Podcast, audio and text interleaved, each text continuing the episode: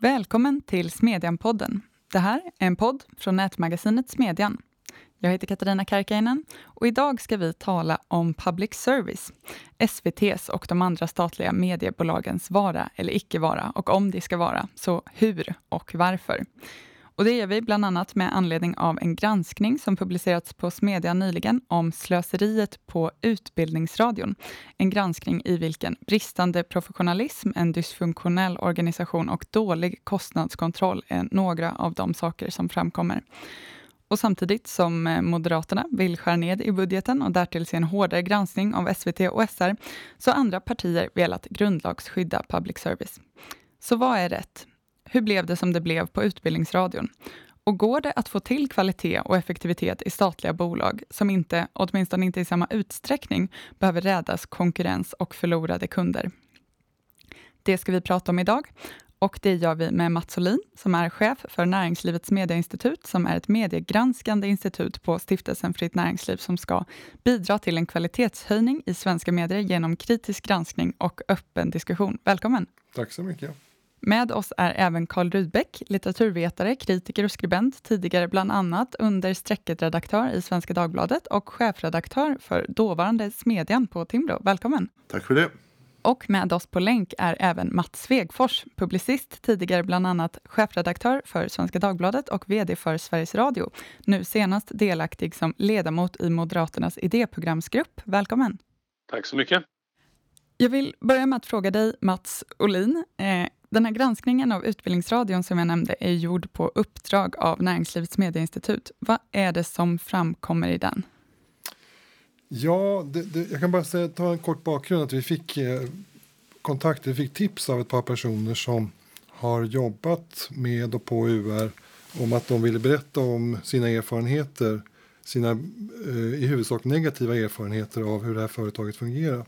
Och eh, när jag då på Näringslivets medieinstitut anlitade en frilansjournalist, Sven-Olof Karlsson, som fick i uppdrag att göra, intervjua de här personerna och göra en, en artikel på det hela. Så han intervjuade fem personer, alla anonymt. Eh, de här personerna är inte på något sätt så att säga public service-hatare utan jag skulle säga tvärtom public service-kramare. De brinner för public service-tanken. Eh, men de vill ändå berätta om eh, erfarenheter som pekar mot, som du sa, ett, ett i vissa avseenden dysfunktionellt företag när det gäller kostnadskontroll, när det gäller styrning, eh, när det gäller ja, ansvarsfrågor och så vidare. Eh, en person sa till oss så här, eh, han sa så här citat, en av cheferna hade 20 miljoner kvar på programbudgeten i slutet av året som han bara swishade ut på lite olika produktionsbolag som då kunde göra programmen utan större styrning. En annan sa, säger till oss eh, i kommersiella företag i branschen skulle det här beteendet inte vara möjligt. Och så är det väldigt mycket berättelser om enskilda projekt och enskilda erfarenheter. Så det är ju anekdotiskt på sitt sätt. Men det var ändå en, en story som vi tyckte var värd att berätta. Mm. Vi kanske ska säga också att UR, Sveriges Utbildningsradio, det är det minsta av de här statliga mediebolagen. De har 445 miljoner kronor i anslag ur statsbudgeten och hamnar kanske lite i skymundan av eh, Sveriges Radio och Sveriges Television. Vad är deras uppdrag? Eh, jag kan inte exakt formulera deras uppdrag, men de riktar sig framförallt mot skolan och utbildningsväsendet och lärarna inte minst, alltså, och gör, hjälper till med läromedel och så vidare. Mm. Den här bilden som målas upp av, ja men det är bristande kostnadskontroll, det är kanske inte särskilt stor professionalism alla gånger. Eh, vad är din bild av orsakerna till det här? Varför blir det så här? Hur går det till när en organisation blir på det här viset? Ja, det kan man ju fråga sig, men jag, jag och jag, jag kanske spekulerar när jag säger det att har man ett företag som har ett, ett ganska, ganska svag eh, ägare och en svag styrelse och inte heller några kunder. Då är inte jag så förvånad över att det till slut blir eh, inte helt slimmat, inte helt effektivt, inte helt vad ska jag säga, kundtillvänt eller, eller så. Och att målsättningar kan vara rätt svåra att följa. Och det här det, det är väl inte så olikt statlig förvaltning överhuvudtaget. Så jag tror där ligger en, tror, skulle jag tippa då en förklaring till varför det ser ut som det gör på UR enligt de här berättelserna. Mm. Men det är väl ett generellt liksom dilemma den här diskussionen som har varit under eh, till och från men som kom upp i augusti igen om ska de här public service-företagen grundlagsskyddas eh, för att skilja dem från staten så att staten inte alls ska kunna så att säga, lägga sig i vad de håller på med och framförallt inte så att säga, skära ner dem eller, eller avskaffa dem. Men jag menar, då, då bortser man ju från att så länge det är en statlig finansiering så kommer också ett statligt ansvar att ta hand om, mm. om sina pengar och ta hand om kravställningen och gränssättningen. Så jag tror inte man kommer ifrån det. Nej. För min del så blir, blir hela liksom svaret på den, det dilemmat att staten måste som, som, som övergripande eh, eh, mål ha mångfald och, och se till att det finns förutsättningar för eh, andra finansiärer och så att säga, privata medier att, att överleva. Det mm. måste vara det allra viktigaste.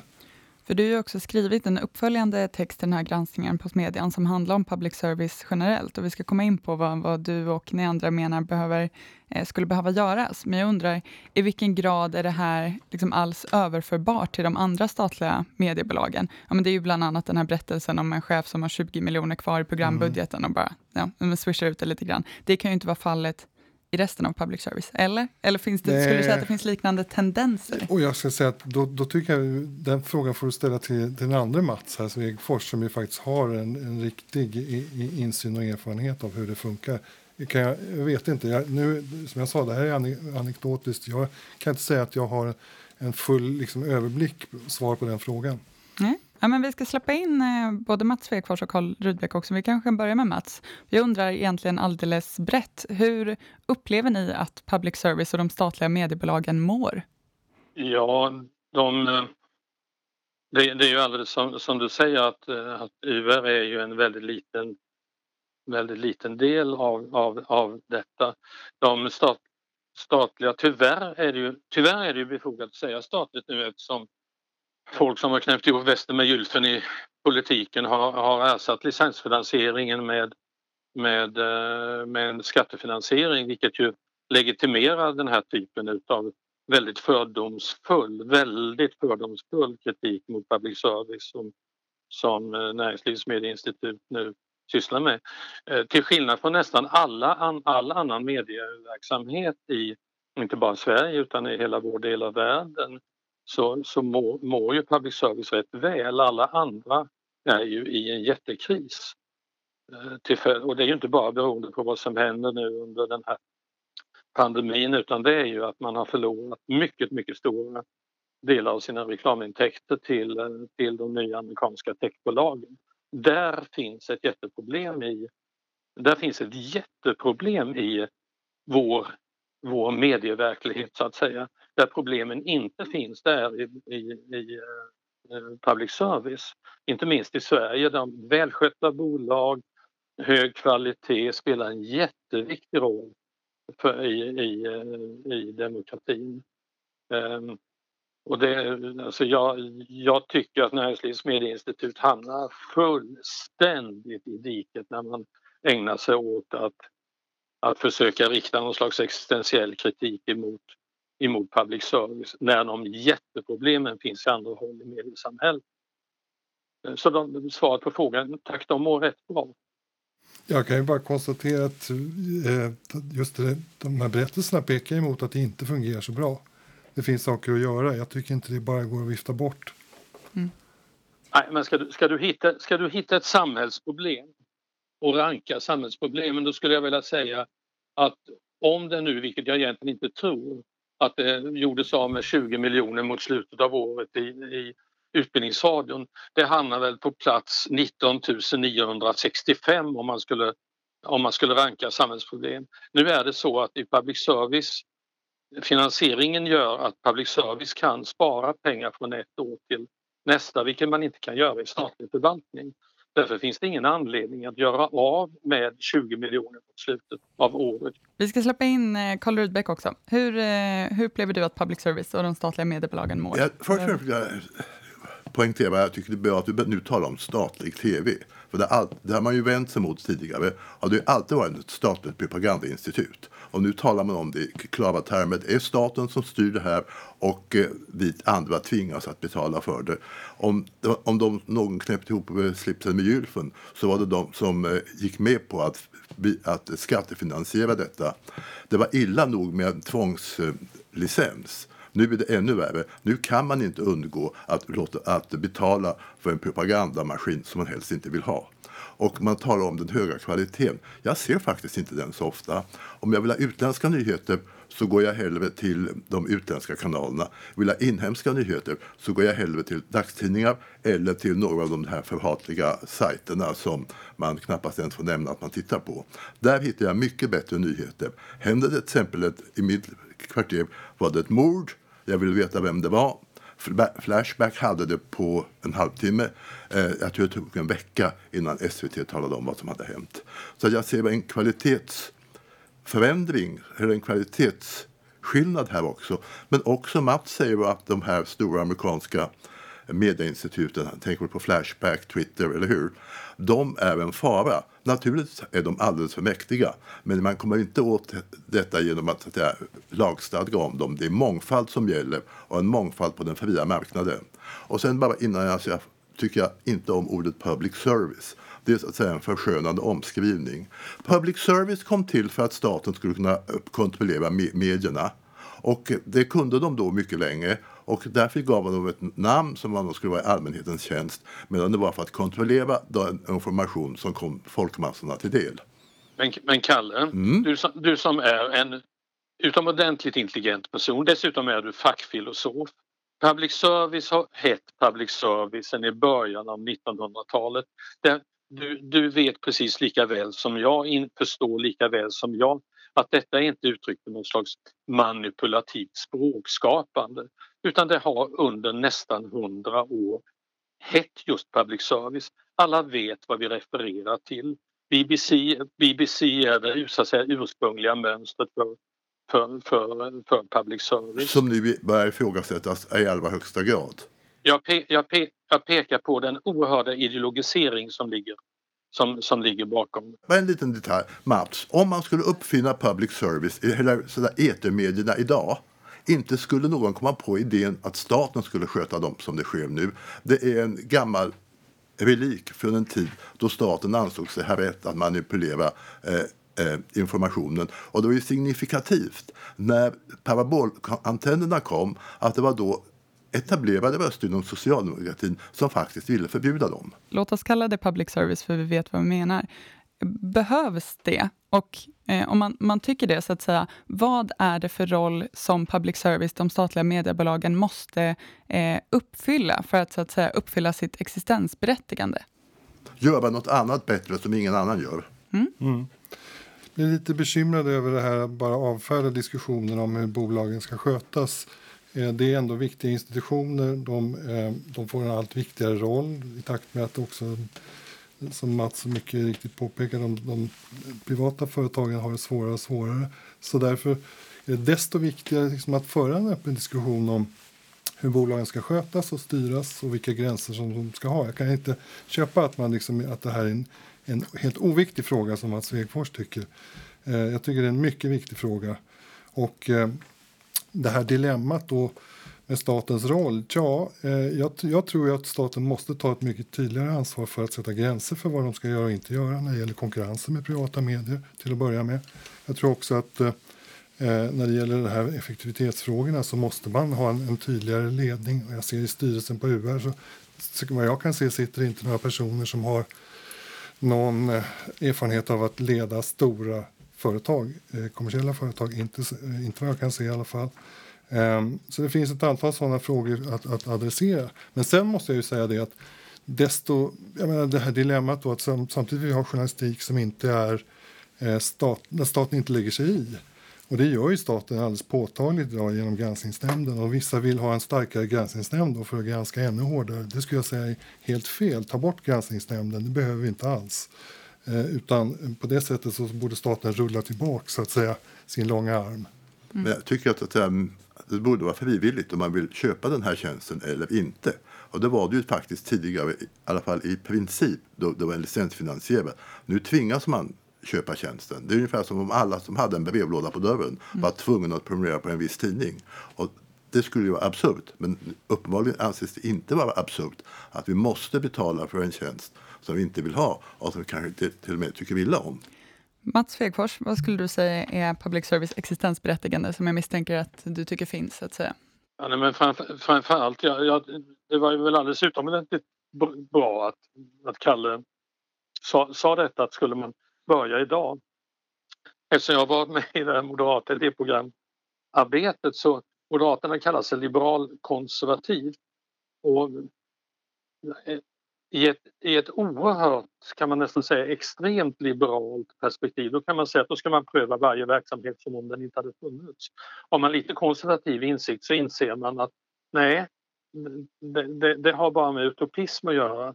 Utan det starkaste det stark, starkaste argumentet för public service är att det finns, att det visar sig fungera väldigt bra, att det fyller en jätteviktig viktig funktion. Och just i de här dagarna efter presidentvalet i USA är ju detta så uppenbart. För att en, en av de stora, så att säga, ett, ett av de stora problemen i hela den demokratiska eh, konstitutionen i USA, konstitution i vid mening, det är ju att man har fått en total polarisering i mediekonsumtionen.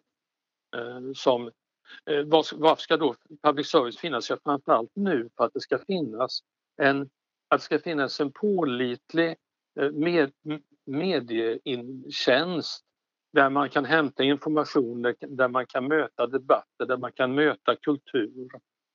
Och detta, detta har ju visat sig fungera väldigt väl.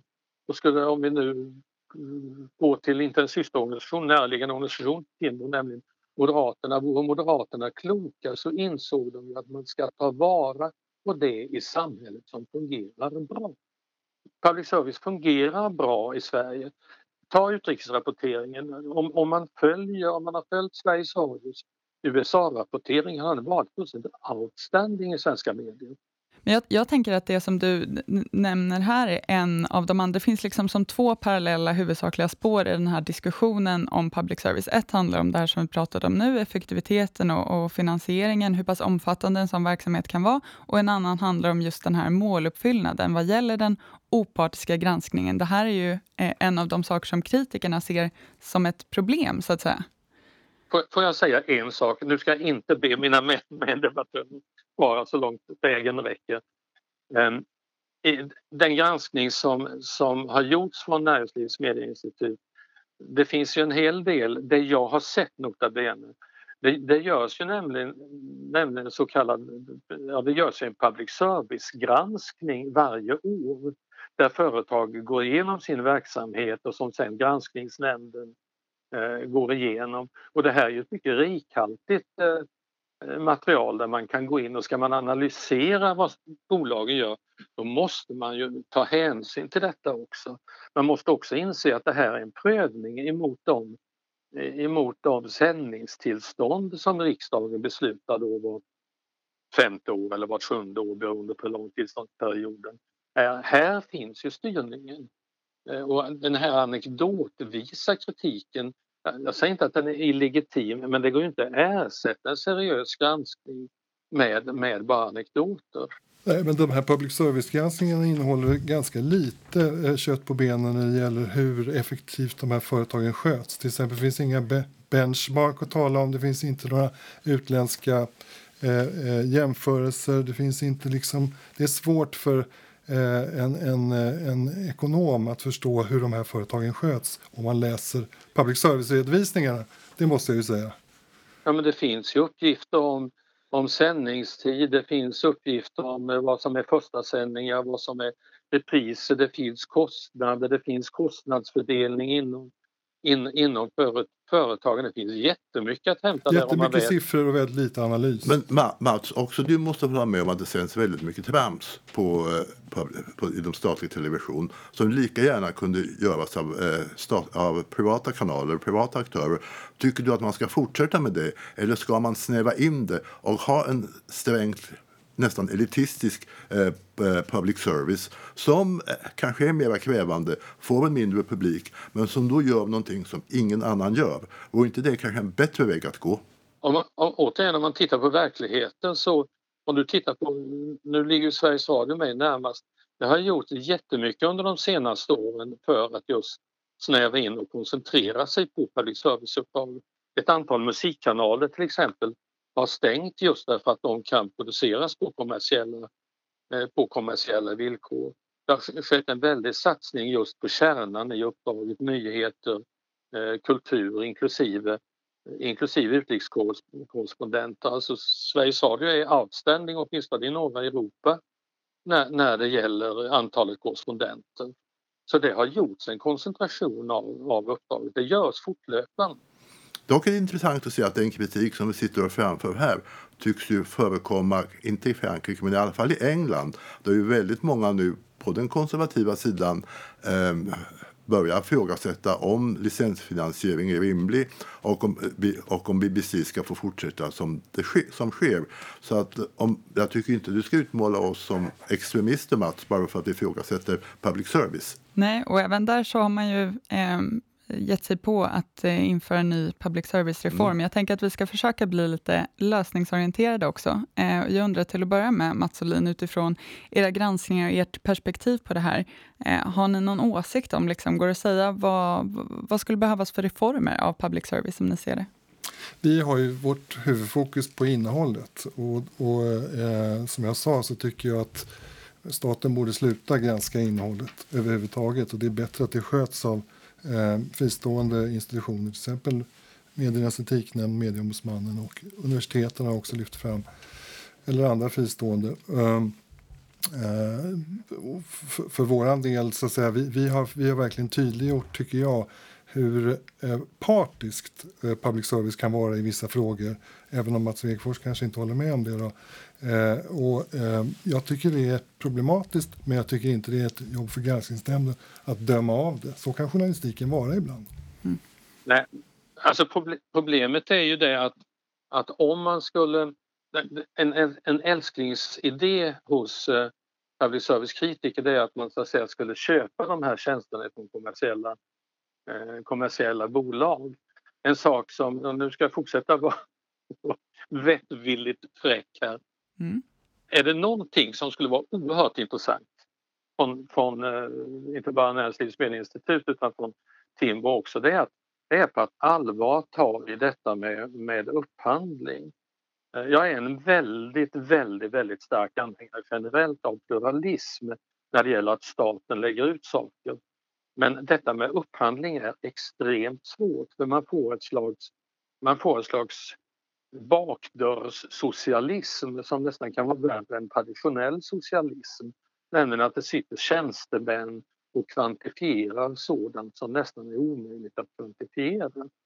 Det tror jag inte det är. Jag menar, Danmark har ju gjort eh, det här och med viss framgång skulle jag säga startat en, en eller handlat upp en public service-kanal som eh, ett bolag inom Berlingske fick eh, ansvaret att sköta under ett par år. Sen ska man då komma ihåg att det kanske är det du är ute efter Mats, att vad som hände sen var ju att politikerna började bråka om fortsättningen på det här och det ledde till en, en, en, eh, ja, en ny upphandling men en nedläggning av en ganska framgångsrik Men Mats, du, du prisade utrikesbevakningen och jag har inte sett lika mycket eller hört lika mycket som du.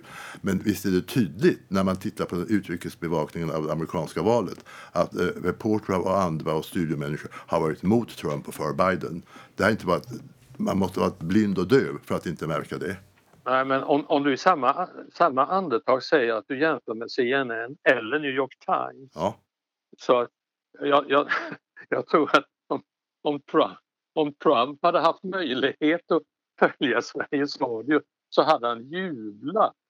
Därför att CNN har ju varit, har ju varit löjligt kampanjorgan mot Trump och samma, samma med, med, med eh, New York Times. Ja. Eh, dessutom, nu råkar det vara så att Sveriges Radio har av historiska skäl en utomordentlig eh, publicistisk kunskap om, om just USA. Men jag rekommenderar dig och andra att gå in och lyssna på USA-podden. Vi nämnde den, eh, den här danska public service-reformen som väl var tänkt att kombinera starkt fokus på det här folkbildande uppdraget, en generell effektivisering på budgeten och också den, eh, ja, men det här som ni nämnde om upphandlingarna. Var, vore inte det en väg framåt i Sverige då? Ja, men då kan vi inte börja i så fall beskriva vad är problemet?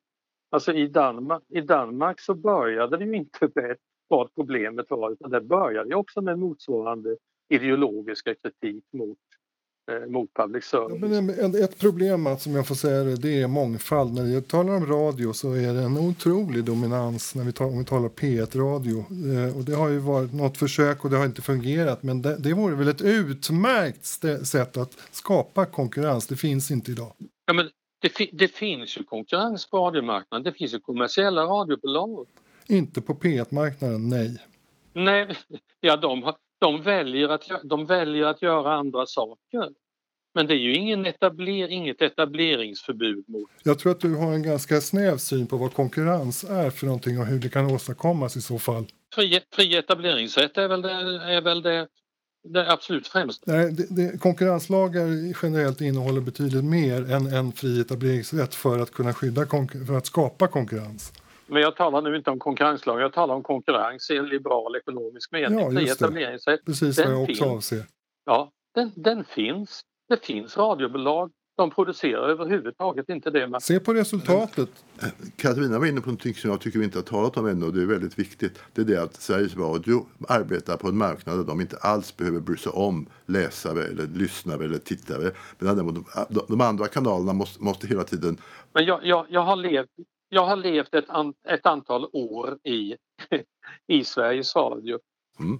Det, är ju först, det är ju fullständigt, det är faktiskt fullständigt befängt påstående att man inte skulle bry sig om, om lyssnare. Alltså de behöver inte bry sig om. För de, Nej, men de... men vad, vad, vad, det har hela tiden skärpts detta att följa. Sveriges Radio följer nu i princip timme för timme hur lyssningen ser ut. Men de arbetar på en, de vet att de har sin, eh, sin utkomst eh, garanterad. De behöver inte arbeta på marknadsmässiga villkor som tidningar till exempel måste göra. Och det tycker jag, sned. Det tycker jag snedvrider konkurrensen. Eftersom det är public service, det är inte ett kommersiellt medieföretag. Däremot, däremot behöver, behöver man definitivt absolut bry sig om hur mycket jag, jag håller, håller, med om det. Jag är, klu, jag är kluven här. Ibland har jag en känsla av att de lyssnar allt för mycket på vad folket vill ha och ägnar sig då åt, åt, åt populistiskt trams. Jag är snarare rädd för det. Ja. Men, men du, du, får väl bestämma vilken av ytterlighet, ytterlighet det, det finns, Av två onda ting väljer jag båda. Men det är ju ändå som, som du säger, ja, men det är ett statligt mediebolag som verkar på en marknad bland andra bolag som i större grad är konkurrensutsatta, som mer behöver oroa sig för sitt kundunderlag. Du som ändå är en varm förespråkare av public service, kan du inte se någonting liksom legitimt i den här problembilden eller den här kritiken som finns mot den statliga media? Eller något skäl till reform? Det behöver inte vara omvälvande så att säga. Jo, men, men det är precis som jag sa förut om ut, Utbildningsradion. Självklart finns det saker som kan diskuteras. Det är bara att det blir så besynnerligt när vi har en medieverksamhet i, i samhället, som, eller mediemarknad som är, där det är jätteproblem. Och sen finns det en del av detta där det egentligen inte finns några stora problem och det är public service. Och varför då ägna så mycket energi åt att lösa problem som inte finns när det finns andra problem som ropar efter lösningar en, en, fråga till de båda Matsarna, om de kan svara på den. Låt oss anta att det skulle vara en frivillig licensfinansiering av SVT. Hur många skulle då betala som vi betalar för de andra kanalerna? Är det någon som har undersökt detta? Hur stor är den frivilliga betalningsviljan?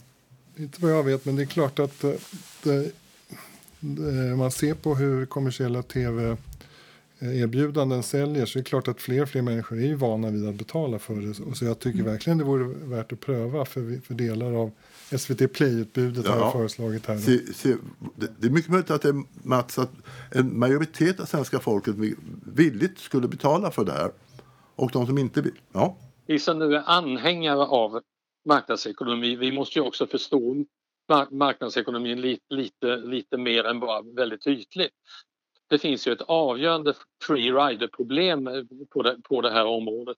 Därför att var och en som, som då skulle stå inför att betala frivilligt vet ju att han eller hon Eh, också skulle få tjänsten utan att betala. Jag tänker att det, det ligger någonting i det. Om man tittar på förtroendebarometern så har ju svenskarna väldigt högt förtroende trots allt för, för Sveriges Radio, för Sveriges Television och samtidigt, samtidigt som man ska säga att det finns en viss splittring här beroende av tillhörighet så att säga. Sverigedemokrater saknar i större utsträckning förtroende för, för public service, men bland den, eh, liksom, helt klart bland den yngre generationen, men överhuvudtaget i populationen nu, eh, så tänker jag att det man, ja. vad, vad, gäller efterfrågan så, så har man ju bättre koll på liksom andra medietjänster, streamingtjänster, nyheter och underhållning on demand. Men det gör ju också att man är van vid att, att betala för det så att säga och att de tekniska lösningarna finns så att man slipper det freerider-problemet. Det är möjligt att vi sitter här och diskuterar ja, en dinosaurie. Ja, men, jag, jag, är, jag måste säga att jag är väldigt imponerad över de förtroendesiffror som eh, mm. Sveriges Radio med flera har. Och de eh, lyssnarsiffror de har. För att i konkurrensen så är det inte lätt. Samtidigt så, på den andra sidan så att säga, av, av den diskussionen är ju att de yngre, jag menar mina, mina halvvuxna barn vet knappt vad de här företagen är för några. De, har, och, och de, de är väl så att säga ett tecken på, på framtiden, hur framtiden ja, ser ut. Det tror, jag, det tror jag är ett oerhört stort problem. Och det var därför jag nämnde en dinosaurie. Det ja, här är utrotningshotat det, är där, det är där jag undrar om företagen själva har förmågan att förnya sig tillräckligt snabbt. Där, där man verkligen skulle behöva dels riktiga kunder, dels aktiva ägare. Varför skulle de förnya sig? De behöver ju inte göra detta. De är ju statligt finansierade. Men, men, det är klart att pengarna, 8 miljarder, mm. kanske finns kvar. Men om inte lyssnarna och tittarna finns kvar så kommer det till slut att bli ganska tomt. Va? Men märk väl, nu är det är, fem, eh, det är sex, sju år sedan jag slutade, sedan jag slutade på, på Sveriges Radio. Så min attityd, det är min attityd som, eh, som medborgare. Dessutom rätt mycket min attityd efter att ha varit med i det här moderata idéarbetet. Jag är jätterädd för att Moderaterna hamnar i, i, i nu ska jag inte vara elak och kalla det Timbrodiket men men i diket, diket med public service-motstånd.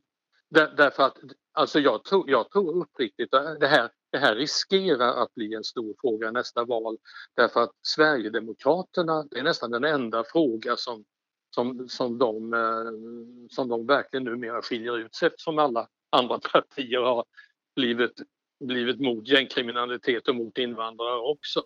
Man kan ju säga alldeles kort att, bara för sakens skull, att Moderaterna, förslaget där än så länge, det är en mediepolitisk kommitté som arbetar med det här nu, men det förslaget som har kommit hittills, som väl kom på, på stämman för ett år sedan, är ju att eh, skära ned på public service och renodla uppdraget med, med nyheter och faktabaserade program. Eller är det någonting annat som du syftar på, Mats? Nej, men skulle man, eh, om man skulle skära ner bara nyheter och fakta, faktaprogram då ska stackars Ulf Kristersson gå till val på att stänga ner eh, den här Melodifestivalen. Han ska stänga ner mycket, mycket stora delar utav, utav lokal, eh, lokalradion.